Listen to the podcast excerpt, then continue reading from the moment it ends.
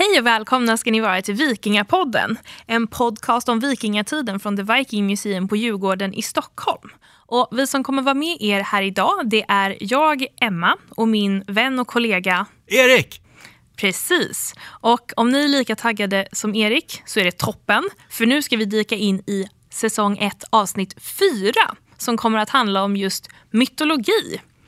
Och eh, Erik, det här är väl lite ditt avsnitt. Vad ska vi få höra om idag? Oj, oj, oj. Alltså, det här ligger mig väldigt nära hjärtat. Jag tycker att mytologin är superintressant. Bland mina tidigaste minnen är hur jag fick den nordiska mytologin berättad för mig som godnattsaga. Så det här är liksom, nu, nu, nu känns det som att jag är på hemmaplan. Och eh, på det här avsnittet kommer vi inte hinna ta allt. Tyvärr. Nej, precis. Utan det finns ju hur mycket som helst att prata om. Ja, men någon typ av eh, överblick lite grann. Hur kan vi veta de här sakerna som vi säger att vi vet? Och jag tänker att vi också ska få ett förståelse för vad är det för värld de här berättelserna tar utspelar sig i. Eh, lite grann hur världen skapas. Jag vet inte hur mycket för att spoila. Ja, men vi kanske ska prata lite om några gudar också. Ja, det, det känns relevant. Ja. Ja. Men annars så finns det ju hur mycket som helst. Och är det någonting som just ni vill höra om så är det bara att höra av er. Och det kommer säkerligen bli många fler avsnitt om gudar och mytologin. Men vi hoppas att ni hänger med.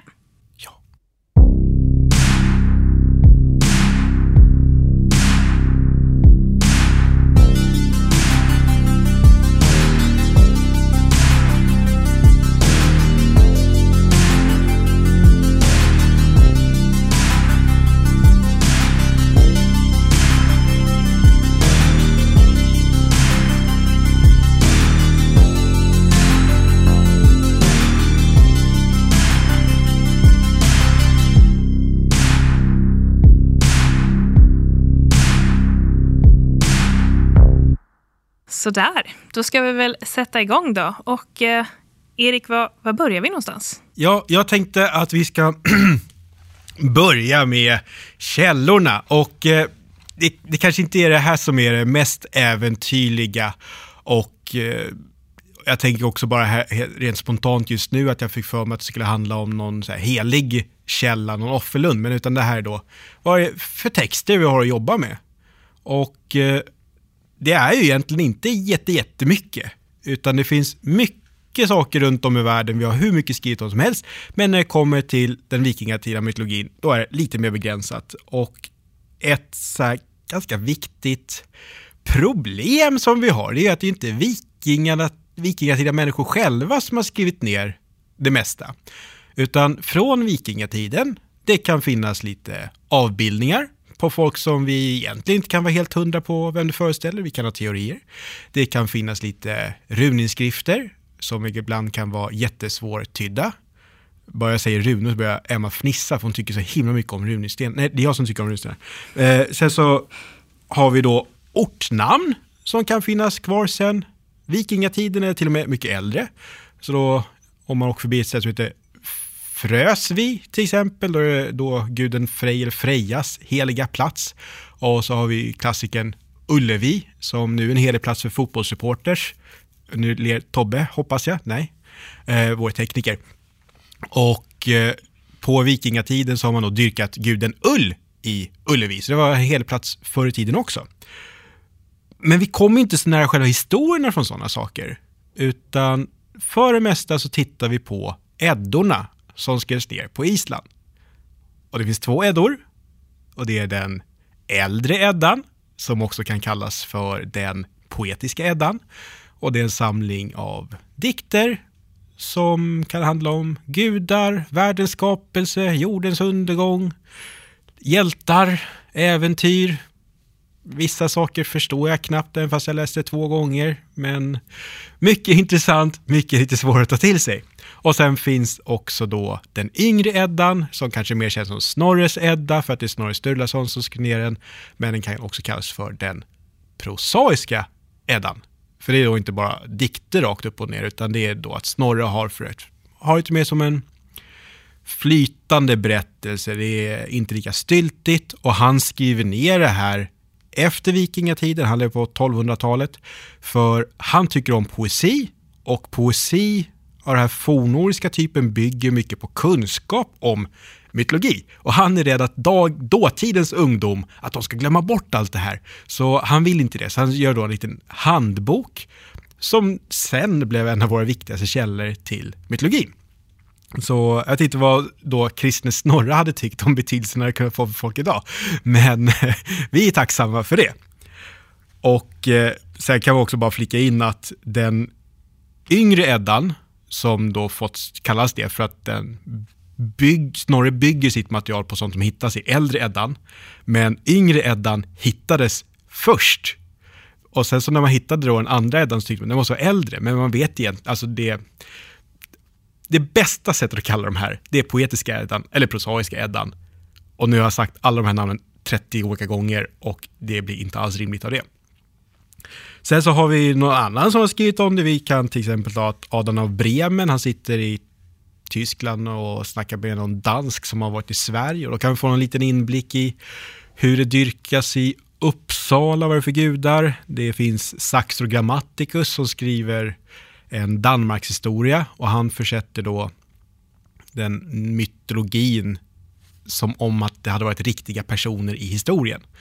Och eh, lite mer så här kungastrider och vissa berättelser han har om gudarna skiljer sig jätte, jättemycket från så Snorre beskriver det.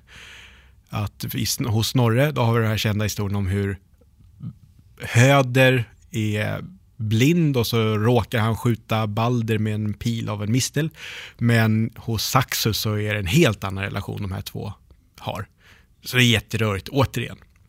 Han kommer att Snorre har också skrivit en eh, kungahistoria och då är det framförallt Ynglingasagan där han tar upp gudar.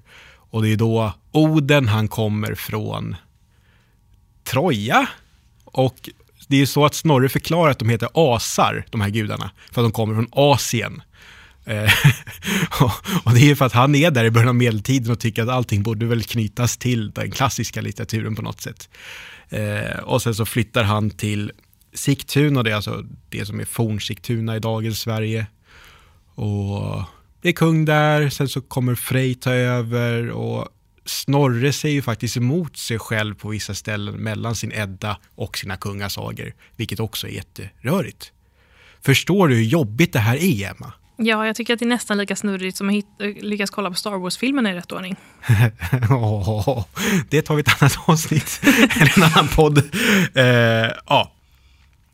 Nej, så det här är ju, det är ju onekligen väldigt många olika skriftliga källor som mm. kan berätta om saker på helt olika sätt och som det är så får man ju ta det lite med en nypa salt.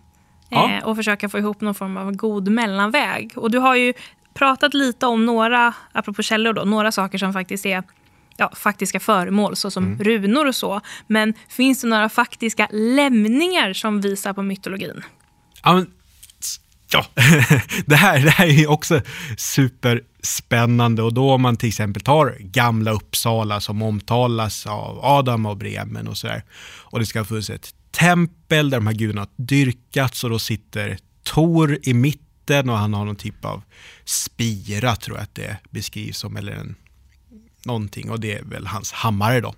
Men vid hans sida ska också Oden sitta och så är det väl Frigg som sitter på andra sidan, eller Freja i Adam Bremens text eller om det är Frej, någon på F i alla fall. uh, och då kan man ju då förstå att jo, men de här gudarna har dyrkats, det här är en källa som inte kommer från Island utan ett annat perspektiv, alltså borde vi då kunna förstå att jo, men då är det inte bara på Island man trodde på det, utan det här borde ju finnas på andra ställen också. Och sen finns ju då de här ortnamnen som vi vet kan finnas, den här kulten, och då är det också lite spännande att gudar som kanske inte är så framstående i den isländska litteraturen, de har sett fler ortnamn efter sig i Sverige.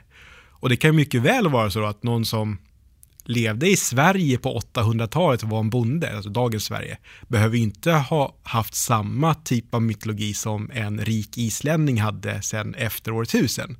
Så det kan också finnas lokala skillnader som kan vara svåra för oss idag att förstå. Men då föremål kopplade till själva kult botten då, det var det som din fråga var när jag började spåra ur igen.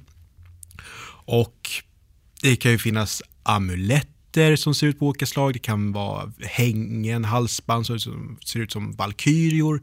Det kan vara bildstenar från Gotland när man ser en massa spännande saker. Men återigen, vi kan ju egentligen inte riktigt vara 100% säkra på vad det ska föreställa. Utan vi kan göra mer eller mindre kvalificerade gissningar. Jag tror inte det finns en enda avbild där det sen står bredvid, här är Oden. Utan det finns en avbild där man ser någon snubbe med ett spjut och så tänker man det borde vara Oden. Så det är ju lite rörigt. Och eh, ja, Ullevi, där finns det massa konstiga amulettringar. Och det är då smidda järnringar så sen hänger massa mindre ringar på. Och då tänker man, jaha, har det kanske varit en viktig del i kulten runt ull? Och sen har man ju lyckats hitta i någon text att det faktiskt nämns att man ska svära vid en ring i relation till ull någonstans. Och det verkar som att ull kanske varit en populärare gud inom dagens Sverige än på Island. Oj, oj, oj. Det, det är lite grann som att titta på, här, du sa stjärnornas krig nyss, men myrornas krig på tv känns som. Bzz, äh, vad ska man säga?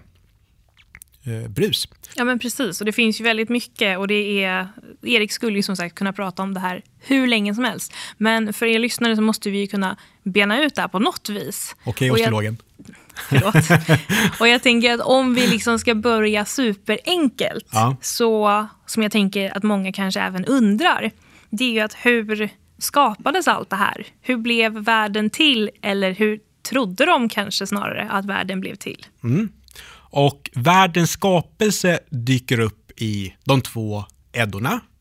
Jag tror inte att de nämns i någon annan text. Jag vill bara säga att jag gjorde bara ett litet urval av de texter som finns också. Det finns mycket mer. Eh, men så Snorre beskriver det. I början så finns det bara en varm och en kall motpol. Och det här har jag förstått det som att i vetenskapen, naturvetenskapen, så den fanns på tidig medeltid så borde det finnas just de här motpolerna. Eh, men i den äldre Eddan, då är det istället bara att det finns ingenting, noll, det finns Ginnunga gap och det beskrivs som ett svalg. Så i mitt huvud så är det här lite grann som att man kastar ner en filmkamera i någons hals och det bara eh, försvinner ner i mörkret. Och sen i det här ingenting så kommer en ko gående och kossan heter Audumla. Och eh, sen finns det också en jätte som heter Ymir. Och hur de kommer dit, det förklaras inte Och vidare. Jag tror att i Snorre så är det så här mötet mellan varmt och kallt som skapar de första varelserna. Men jätten, han får sin mat från kossan, han dricker hennes mjölk och kossan slickar på en saltsten som nu också finns i ingentinget. Och den här saltstenen, den slits ju ner och en dag sticker upp lite hårtussar ur stenen. Och så fortsätter hon sticka på den och så kommer upp en, dyker upp en hel man som fanns i saltstenen. Och han heter Bure och eh, han är då den första inte-jätten. Och eh, Bure kommer sen få barn och det får han med några andra jättar. Hur kommer de? Jo, Ymer, han börjar få barn med sig själv. De växer fram ur hans armhål och hans ben får barn med varandra. Så finns det plötsligt massa fler jättar här. Och någon av de där jättinnorna får barn med Bure. Och eh, sen så får de sonen Bor. Och Bor kommer sen få barn med jättinnan Bestla. Och de får tre söner och det är Oden, Vile och Ve. Och de, inte, de verkar inte vara nöjda med så universum ser ut. Så de dödar sin eh, morfar, Ymer, och eh, börjar bygga världen av hans kropp och hans eh, skalle. Det här får osteologen tycka är kul. Då. Skallen blir själva himlavalvet och hans tänder och ben blir bergen och stenarna, hans kött blir jorden, hans blod blir vattnen. Och nu börjar vår tekniker Tobbe se lite så här, vad, vad har jag gett mig in på? Och det här blodet som bara väller över världen dränker också jätteätten, förutom några stycken som lyckas rädda sig själva på en eh, sten. Och då får vi tänka att de klättrar upp på en del av sin pappa och det är massa blod runt omkring. Så det här är en tragisk upplevelse för dem förstås. Eh, men så byggs då världen. Och där går Oden och hans bröder omkring och de är väl ganska nöjda med tillvaron. Sen vid stranden hittar de två träbitar. En bit ask och en bit ek är det väl? Och eh, de blåser liv i de här. Varje bror ger varsin egenskap. Och det här är då Ask och Embla, de första två människorna. Och de ska börja bygga tempel och dyrka gudarna i och sådär. Så det är lite grann introkursen till världens skapelse. Fullkomligt rimligt, eller hur? Ja, jag tror aldrig jag har hört den berättas så fint faktiskt. Ja, tack. Det var väldigt vackert. Eh, och det här är ju onekligen en ganska rörig historia. Oh ja. Och, och det blir liksom bara konstigare, för nu är ju då världen skapad. Men sen om man läser andra historier, då är det ju att det finns lite olika världar. Det finns ju nio världar, beskrivs det ibland. Och sen verkar det finnas tre världar. Midgård, Utgård och Asgård. Och sen så är det något världsträd också. Och ibland är allting i trädet och någonting i rötterna. Ibland så är trädet mitt i världen istället. Och det är ju säkert just det här olika berättartraditioner som vävs samman av några islänningar efter vikingatiden. Och det är klart att det blir lite olika versioner. Och helt ärligt, det kanske inte var någon i Skåne som brydde sig om Ymer för 1200 år sedan. Eller så var det jätteviktigt. Precis, och vi får väl leva med att vi aldrig kanske riktigt kommer veta hur de tänkte sig att mm. världen blev till. Men nu har ni fått en, en, verkligen en snabb version av hur vikingatidens människor tänkte att världen skapades. Eventuellt. Eventuellt, precis. Enligt eh, två källor i alla fall. Exakt. Eh, så jag tänker att nu kanske det börjar bli dags att hoppa in nästa del. Mm. Eller vad säger du? Det låter jättebra.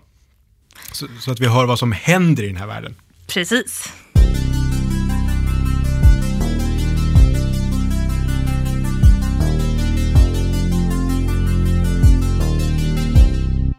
Sådär då, då var vi tillbaka och jag hoppas att ni alla har återhämtat er efter den där spännande berättelsen.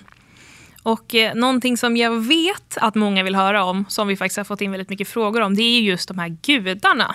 Och det finns ju väldigt mycket gudar att välja mellan. Och det finns ju inte en chans att vi hinner ta upp allihopa. Så återigen, är det någon gud som just ni vill höra om så är det bara att eh, höra av er. Men vi måste ju börja någonstans. Och eh, ska vi börja högst upp då, Erik? Mm. Högst upp i Yggdrasil där den där lilla fågeln sitter. Det var precis det du tänkte på. Det var precis det jag tänkte på. Nej, det kanske var någon gud istället. Jag Högsta kan, hönset. Det kanske var ditåt jag var på väg, ja. Jag är på lite retsamt humör idag. uh, men jag tror att Emma är ute efter Oden och det känns ändå bra för vi prat, eller jag pratade ju lite om Oden här alldeles nyss och det är ju han som är med och skapar världen och det är lite kul för hans brorsor som är med där, de försvinner lite sen. Och eh, de har till och med lite olika namn beroende på källa och eh, de nämns i något enstaka tillfälle till. Men Oden själv är nog den gud som dyker upp i allra flest historier. Och jag har ofta kallat honom för gudarnas kung. Och sen var det någon som skickade in en fråga till mig för typ två år sedan. När, när kallas han för kung? Och bara, okej, okay, det kanske han inte gjorde så mycket. Men han är deras ledare. Han kallas för drott och det är ett gammalt ord för typ kung och han är kung, eller gud, över alla möjliga saker. Och han har ju över hundra olika namn som anspelar på olika roller han har. Så en mångsidig gud och det hoppas jag ändå att jag ska hinna ta upp lite här. För Oden är en gud som vi förstår att kungar har dyrkat och det återspeglar också just den här rollen som ledare. Och han sitter i Valhall och eh, han har också sin tron, eller högsätet som heter Hlidskjalf och där kan han se ut över världen.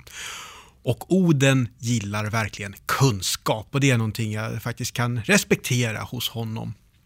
Och han söker kunskap på olika vis. I en känd historia så offrar han sitt öga hos Mimer som har då Mimers brunn.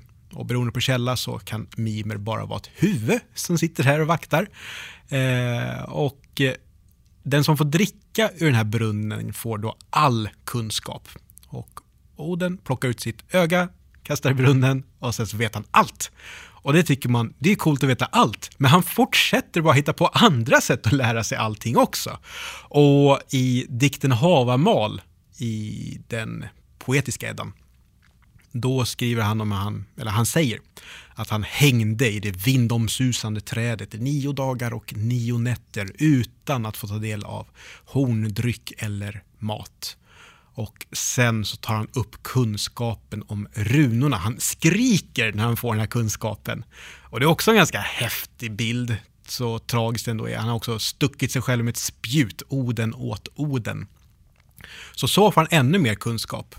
Och sen när han då får kontakt med vanerna, det här andra gudasläktet, det är ju asar och vaner och sen så finns det ju förstås en diskussion om vad det innebär också. Men Freja hon är den bäste på magi, den bäste på att sejda. Och när Oden hör att det finns en ny typ av magi så tänker han, jag måste lära mig det där. Så Freja lär Oden hur man sejdar och håller på med magi. Och det här är någonting som Loke sen kommer reta honom för och kalla Oden för omanlig. Och eh, beroende på hur texten ska tolkas så kan det vara att han faktiskt har på sig kvinnokläder när han gör det här så går in i en kvinnlig roll när han ska utöva den här magin. Och magi i det fornnordiska samhället är väldigt kopplat till just kvinnor. Men han är fortfarande inte nöjd med att han kan inte riktigt allt. Så han har ju två korpar också. Hugin och Munin som flyger över världen och kommer tillbaka och berättar om vad de har sett för någonting. Och Hugin betyder tanke. Eh, hugstor kan man säga, någon som är klok och Munin betyder minne. Och det finns i Havamal om hur han fruktar, eller han tycker inte om tanken att Hugin kanske inte kommer tillbaka. Man fruktar ännu mer för att Munin inte kanske kommer tillbaka. Och här tänker jag det är ett väldigt mänskligt sätt för en äldre man att tänka på att jo, men han kanske är äldre, kanske tankarna inte riktigt går som de gjorde förut, men det som är allra värst är om han skulle förlora sitt minne. Och det är också någonting ganska fint i, och tragiskt i en sån gestalt som Oden ändå kan vara. För han är ju också dunderkrigarguden och han är på slagfält. Det är han som beordrar valkyrierna att eh, dra till striden och välja ut vilka som ska dö i strid. Och de som dör i strid de får komma till Valhall eller de kommer till Freja i folkvagn också beroende på hur man ska tolka texten. Och Oden ska ju ha alla de här döda krigarna som sina einhärjar som ska slåss, slåss för honom i Ragnarök. Och eh, alltså det, det, finns så många olika vinklar på det här. Och vad gör han mer? Han dricker mjöd. Jag tror att det är någon källa. Han äter inte mat, han bara dricker. Eh, det är så han får sin näring. Och vad gör han mer? Han har en häst som heter Sleipner. Han har två varghundar, Gero och Freke. Vad betyder det? Slitaren och eh, bitaren, någonting sånt där balt. Eh, han är särbo med Frigg och Frigg är den enda som verkar kunna mäta sig i kunskap med Oden och med tanke på allting jag rabblat upp här så är det faktiskt imponerande. Och vid olika tillfällen så sätter Frigg verkligen dit Oden. Och eh, i en historia, vilken är det? Ja, någon. Men då i alla fall, då, då, har Frigg och Oden, de har uppfostrat varsitt kungabarn. Och de ska ha en tävling om vem som uppfostrar barnet bäst. Och sen är det dags för de här barnen att åka tillbaka, så sätts de i en båt, skickas hem till pappa kungen. Och när den äldre brodern, som då Oden har uppfostrat, hoppar till land så sparkar han ut båten med lillebror så att han då är den enda som kan ta över tronen. Och lillebror han hamnar i någon grotta, han får barn med ett troll har jag för mig att Oden säger. Jättekonstigt och Frigg tycker förstås det här är fusk i den här tävlingen. Så flera år senare så säger hon att killen du uppfostrar, han är en snål kung. Han är dålig på att ta emot gäster. Och Oden kan ju inte känna att det, det är inte bra, jag måste gå och kolla det här och göra det maskerad så att han inte vet vem jag är. Och då när Oden rör sig dit och ser ut som en fattig gammal vandrare, då säger Frigg till kungen, det kommer en ond trollkarl hit, du borde vara på din vakt. Så sen när Oden kommer så fängslas han, han sätts över en eld och torteras. och det här är då Frigg sett till, får man ju se det som. Eh, så Frigg och Oden, en intressant relation, men de verkar tycka om varandra ibland också. Eh, de har ju flera barn tillsammans och där är väl Balder den främste av deras barn. Vad gör Oden mer? han, eh, han retas lite med folk också. I Harbars eller Harbardkvädet, då är han förklädd återigen som en färjekar och håller på och retar Tor som egentligen bara vill komma över ett vatten som får komma hem. Så att Oden klär sig i olika roller. Han kan vara en ledare, han kan vara en krigare, han kan vara en eh, trollkarl i kvinnokläder, han kan vara en vandrare som bara är en tiggare. Och det här passar jättebra med just hans många namn och kanske framförallt namnet Grimnir som betyder den maskerade. Ja, det är ju som ni hör så har han ju Eh, så kan man ju prata om Oden hur länge som helst. Och det verkar ju onekligen som att både Oden och Frigg verkar vara lite av eh, luriga jäklar. Ja. Eh, vilket jag bara tycker är härligt. Eh, det ger dem lite mer personlighet. Ja, och personlighet tror jag, alltså det är bra nyckelord i de här nordiska gudarna. För de är ju inte fel, alltså ofelbara. Utan de är ju, jag ska inte säga som folk är mest, men det finns någonting som folk kan känna igen sig i. Ja. Och det tror jag är viktigt. Ja, det är något mänskligt över det. Ja. Eh, och det, bara Oden skulle man ju kunna prata om i, i timmar. Ja, jag tänkte säga, han kan ha ett eget avsnitt, men så blev jag säga, äh, han behöver typ en egen podd. Verkligen, Odenpodden. Oden ja, nej, men så om vi då har betat av Oden, vad tänker du sen att vi beger oss? Ja, men Frigg har jag tagit upp lite här och Frigg har många likheter med en gudinna som heter Freja. Och det är någonting som folk kan tycka är lite intressant och man kan bråka om vad är fredag egentligen? Är det Friggs dag eller Frejas dag? Och där tror jag Färöarna är lite annorlunda än alla andra, men annars så tror jag att det brukar vara att det är Friggs dag. Nej, nu, det här borde jag ha kollat upp innan. Ja, ja. Den ena och den andra i alla fall. Men då finns det ju en diskussion om att Frigg och Freja en gång i tiden kan ha varit samma gud, alltså långt innan de här texterna skrivs ner. Och eh, sen så vid något tillfälle har de delats upp för missförstånd, det kanske blir bättre för myterna, det kanske är någon kult som utvecklas på ett speciellt sätt. Det kan vara återigen lokala eh, skillnader. Men Freja är då min favoritgud vad har du för... Nej, jag vet vilken din är, hon kommer sen. Eh, tack Erik. Tack. Ja, eh, men Freja, hon är gift med en kille som heter Od. Och Od, eller Odr, det är exakt samma ord som finns i Oden. Och då är det så här, aha, Frigg och Freja, de är lika varandra, båda är gifta med en kille som heter Odel Oden. Ah, okej, okay, ja, det kan ligga någonting i den här teorin. Och Oder, han är också ute och går väldigt mycket, han vandrar i världen, precis som Oden. Och när Od är ute och går, då gråter Freja gyllene tårar och hon går runt och letar efter honom och då använder hon inte ens sitt vanliga namn utan kallar sig själv för Mardul. Och det finns att poeter sen kallar guld för Mardols tårar. Så är det då ett sätt som mytologin kommer in i poesin och det är precis det som Snorre ville att vi skulle fortsätta komma ihåg. Så poäng till Snorre där. Eh, Freja kan ibland beskrivas lite grann som en kärleksgudinna eller en skönhetsgudinna och eh, det står i Snorres Edda att hon kan åberopas i relationssammanhang. Det finns lite andra gudinnor för sånt också. Och eh, i myterna dyker hon ofta upp som en person som folk vill gifta sig med. Jättar vill jättegärna gifta sig med henne. Och eh, det är ju förstås inte Freja så förtjust i och det blir väldigt tydligt i Kväton Trym, Trymskvida. Thryms kvida. För då snor en jätte Tors hammare och tänker bara lämna tillbaka den om han får gifta sig med Freja. Och då säger gudarna, ja men visst, vi måste ha hammaren så Freja kan du vara snäll och åka och gifta dig med den där jätten. Och hon säger nej! Och hon blir så arg så att hennes eh, halssmycke, Brisingamen, det var gå sönder. Och hon är jättearg. Och man förstår att hon menar allvar. Och gudarna förstår också det. Och säger Freja nej, då, okej, okay, då är det nej. Så det man istället bestämmer är Heimdalls idé att Tor, han får klä ut sig till Freja istället. Och det är ju en, vi behöver inte ta hela den nu. Jag tar den så ofta jag kan, men inte just nu. Och Tor han får då klä ut sig till brud, han får klänning, han får fina smycken.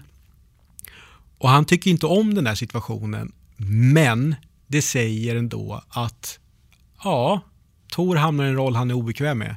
Men det är bättre än att gå emot Frejas vilja. Och det säger ändå någonting om vilken roll hon har. Och Freja hon kan ju magi. Hon är dotter till Njord, en av vanerna. Hon är syrra till Frej. Och eh, vanerna är ju då ett annat gudasläkte än asarna och de har lite olika traditioner och det är då tydligen tradition att syskonen ska gifta sig med varandra men när Frej och Freja kommer till asarna så får de sluta upp med den traditionen. Men Freja dyker också upp i lite oväntade sammanhang, eller oväntade om man går på det här populärkulturspåret. För hon är också kopplad till strid. Hon framstår som en ledare bland valkyrierna, alltså att det är namnet Gondol hon använder då. Och det står i Snorres Edda att Oden, han äger hälften av krigarna som dör i strid, men Freja väljer hälften. Vad är det? Fick jag komma på det på fornnordiska? Oden, Au. Nej, jag ska inte försöka. Bra försök. Tack. Och Det här kan man då läsa på ett olika sätt. Antingen så är det att hälften av krigarna som dör i strid kommer till Valhall, till Oden och andra hälften kommer till Freja i folkvagn. Eh, där hon har salen Sessrumni som betyder platsen med många sittplatser. Och, eller så läser man det som att Oden äger hälften av alla som dör i strid och det är Freja som väljer dem så att de får komma till Valhall. Men hennes koppling till strid finns ändå där och det är också intressant och precis som Oden har hon då många sidor och precis som de andra gudinnorna är hon inte jätteframträdande i de skriftliga källorna och vi kan liksom räkna med att det nog fanns väldigt många historier om Freja som vi inte kan ta del av nu. Och det är ju jättesynd, men också lite spännande att tänka på. Vad mycket det måste ha funnits. Ja, verkligen. Eh, sen, vad skriver Snorre mer? Han skriver att man kallar fruar, alltså man och fru, man kallar fruar för att de kallas efter Freja. Men där har han hittat Alltså det är någon typ av folketymologi. Alltså det, det, är inte så orden utvecklas, utan Freja, det, det är olika ord. Så om man stöter på den ordhistorien så kan man säga, nej, där har Snorre missförstått en grej. Vad är det Freja betyder? Det är kvinnan. Någonting sånt. Så, så det finns mycket intressant här förstås. Och nu tittar alla runt bordet lite grann på klockan och jag inser att den här delen som jag hade tänkt att jag skulle hinna med jättemånga olika gudar kanske inte riktigt gick. Men det här blir också en ganska tydlig signal om att vi absolut kan återkomma till det här ämnet. Och Eh, om ni kände, äh, men nu, nu bara kastar du på ytan där, men vad hände med Tor i brudklänning egentligen? Ja, men skriv det, så, så försöker jag övertala Emma att få prata om det ännu en gång. Eh, hur många gånger kan du ha hört vi drar en historia, Emma? 40? Massvis, ja. men den tål oss alltid att höras igen. Ja, var bra. Och, och som sagt, vi krafsar verkligen på ytan här. Det finns så mycket spännande. Och det är ju intressant just det här med att ja, de här texterna skrivs ner efter vikingatiden, men sen så finns ju de här figurerna kvar långt efter att det skrivs ner på Island också. För vissa av gudarna tar ju steget in i folktron istället. För när norra Europa blir kristen, eller när hela världen blir kristen, så mycket av det som fanns innan kristendomen smyger sig vidare. Och det är absolut inget undantag i Sverige, Norge, Danmark och Island, Färöarna som väl främst då är där man haft just den här mytologin. Och då kan vi plötsligt läsa om de här figurerna i texter från 1800-talet istället. Och det finns, jag tror att det är eh, Småland där någon, någon riktigt noggrann folklivsforskare åkte runt och samlade in. Och det att det, om man ser att det åskar på långt håll då är det att det är Freja som sår korn eller någonting sånt där. Och, och det är lite intressant för åskan tänker vi annars ska vara kopplad till Tor. Och det finns ju folktro om Tor också. Och att man, när man hör åskan då är det Tor som jagar vidunder. Det behöver inte nödvändigtvis vara jättar utan det kan vara andra dumheter som man trodde på senare tiden. Och det här med åskviggar, att om man hittar en var någonting som ser ut som en hammare i marken som gjord av sten, då, då kan man ta hem den, för det är då Tors hammare, en åskvigg, den har hamnat där åskarna eller blixten har slagit ner förut. Om man tar hem den och lägger huset, då kommer ju inte blixten slå ner där, för blixten slår aldrig ner på samma ställe två gånger. Och vad är det här för konstiga åskviggar man kan då hitta på åkern? Stenålders-Emma. kan det vara en stenåldersyxa kanske? Ja! Så vi måste förstå att det vi arkeologer kan hitta idag, det är ju sånt som alltid har funnits i marken. Man har hittat jättekonstiga saker. Och det är klart att man då har skapat historier runt det här. Och hittar man då en stenyxa, då kan man inte säga, det är inte så att, jag ska säga, Enok Mattsson, min morfars far, han hade inte tänkt, åh titta, gropkeramiker, utan han hade ju liksom tänkt sig någonting annat istället. Och kanske förklarat det på ett eller annat sätt. Så ja, Oden finns också kvar i folktron. Och någon gång läste jag att liksom sista ögonvittnet som ser Oden, som, alltså om man då tänker folktromässigt, att det var någon som såg honom på 1800-talet just. Och Oden ser ju inte längre ut så han beskrivs i sagorna. I sagorna, eller isländska källor, då är han ju då den här äldre mannen, han blå mantel, en slokhatt, han har ett spjut och två vargar. Hur ser han ut på 1800-talet? Jo, han är en gubbe med stora stövlar, ett gevär och två jakthundar. Så han har liksom anpassats till den tiden också. Så det, det tycker jag är spännande. Och fortsätter vara levande. Ja, jag satt precis och funderade på vad, hur man skulle avbildat Oden om Oden hade varit idag. Jag tänker mig eh, handsfree, ständigt uppkopplad för att ta del av kunskap och ha ett eh, redigerarkonto på Wikipedia. Perfekt. Ja, och nu har vi ju som sagt varit här ute och skrapat igen. Eh, och vi kommer ju återkomma till mytologin. Eh, och i vilka former vi gör det får ni jättegärna eh, tipsa om. Men nu tror jag faktiskt att det blivit dags för våran återkommande bit här i podden som är då våran vikingaanekdot. Och den hör temat till. Eh, och det är någonting som jag tror nästan alla någonsin har sett eller känner till eller kanske till och med har ägt. Och vad kan det vara Erik? Det är Torshammare och det är inte själva Mjölner som guden Tor använde utan det är då de här halssmyckena. Och det här kanske är en av de mest spridda symbolerna från vikingatiden nu och många personer har dem idag. Jag ska själv inte ens försöka göra en huvudräkning på hur många jag har haft. Efter min första dejt på gymnasiet i alla fall. Och de hittas ju i arkeologin och det finns ju förstås en lång diskussion och tankar om de här Torshammarna.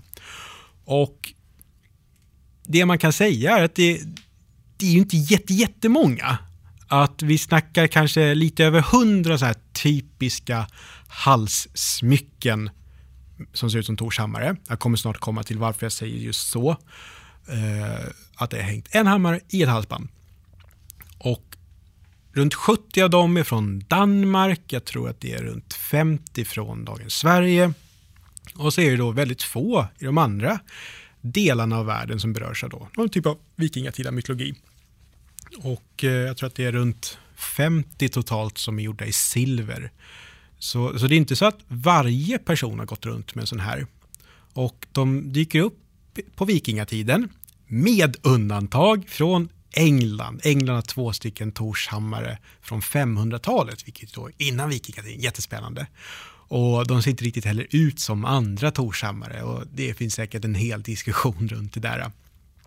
För Torshammar-amuletter, de ser ut som hammare förstås, men de har lite kortare handtag än man kanske tänker sig en ordentlig hammare. Och det passar utmärkt med själva mytologin, för det sägs i mytologin rakt ut att eh, dvärgen som tillverkar hammaren, han blir distraherad, det är en helt annan berättelse, och gör handtaget för kort.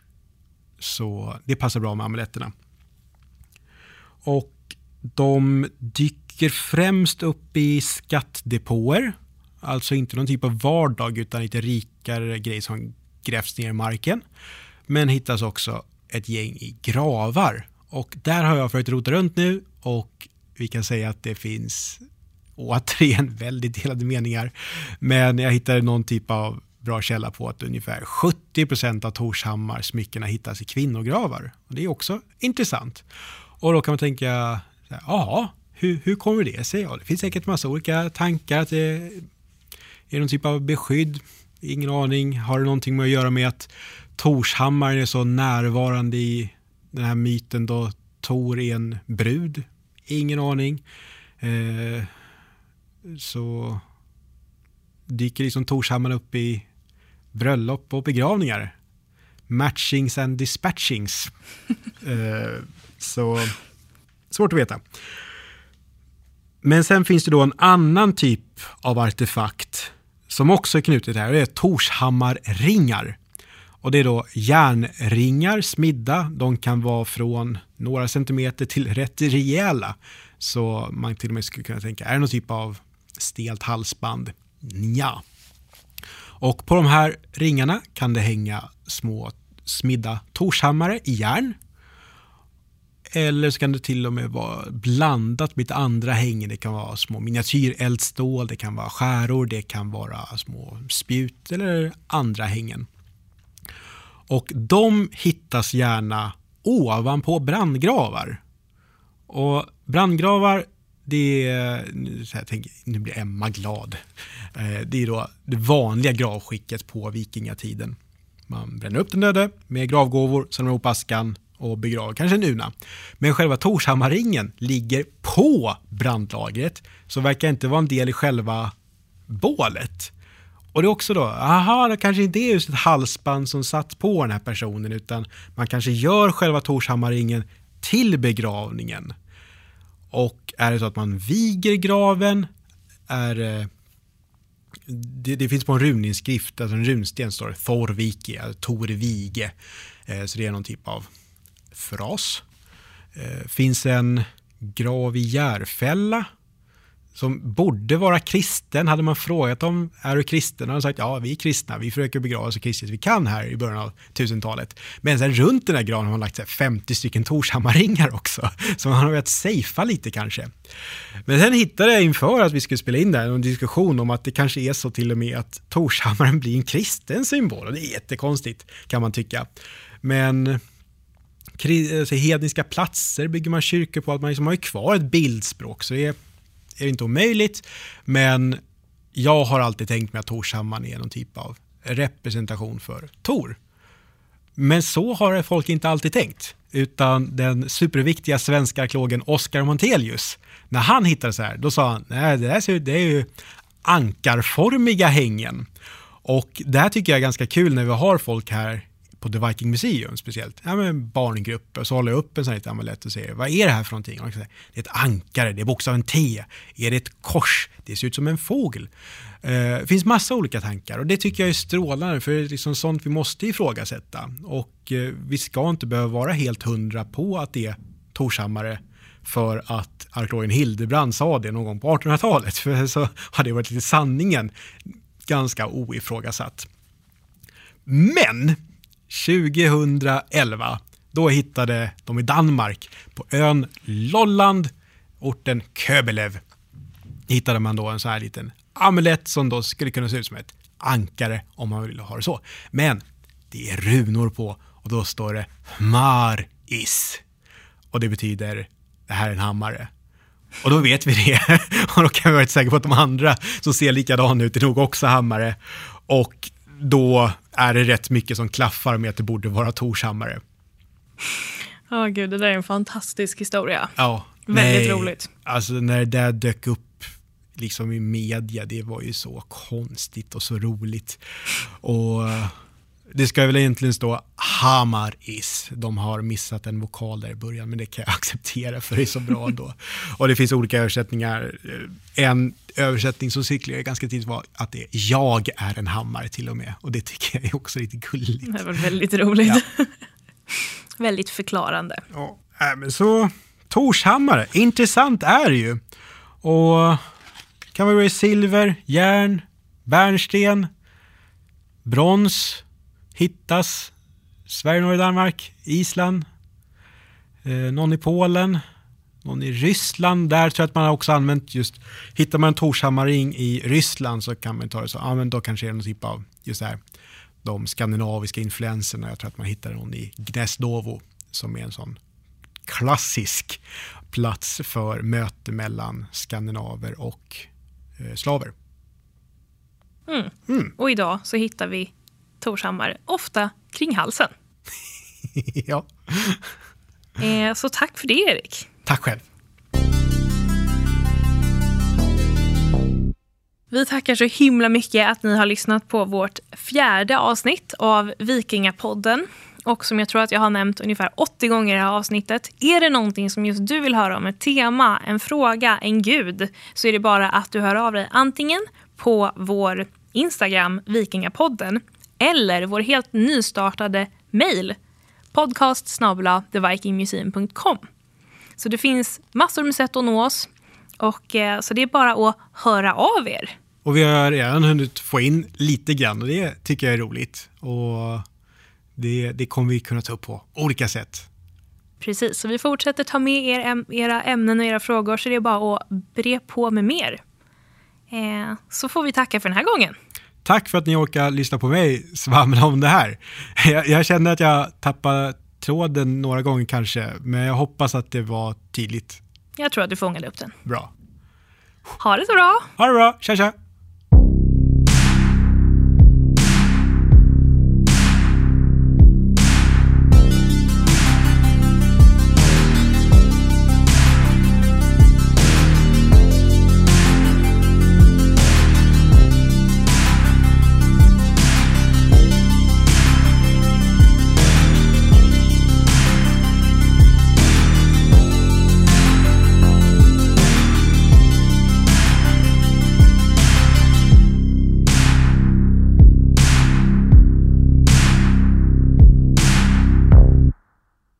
Emma? Mm. Vet du vad de säger när det brinner i Yggdrasil? Ingen aning. Ur elden i asken.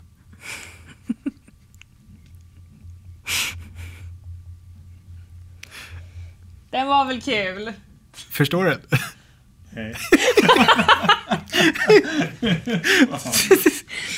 Yggdrasil är ett askträ. Ja du, ja, du vill ju ha det hemma ju. Ja, jag har det nu. Ja. Mm. Bra. Så! It's a wrap. Den, den som är på nästa avsnitt är bättre. Mm, men det ska vi inte ta än. Nej,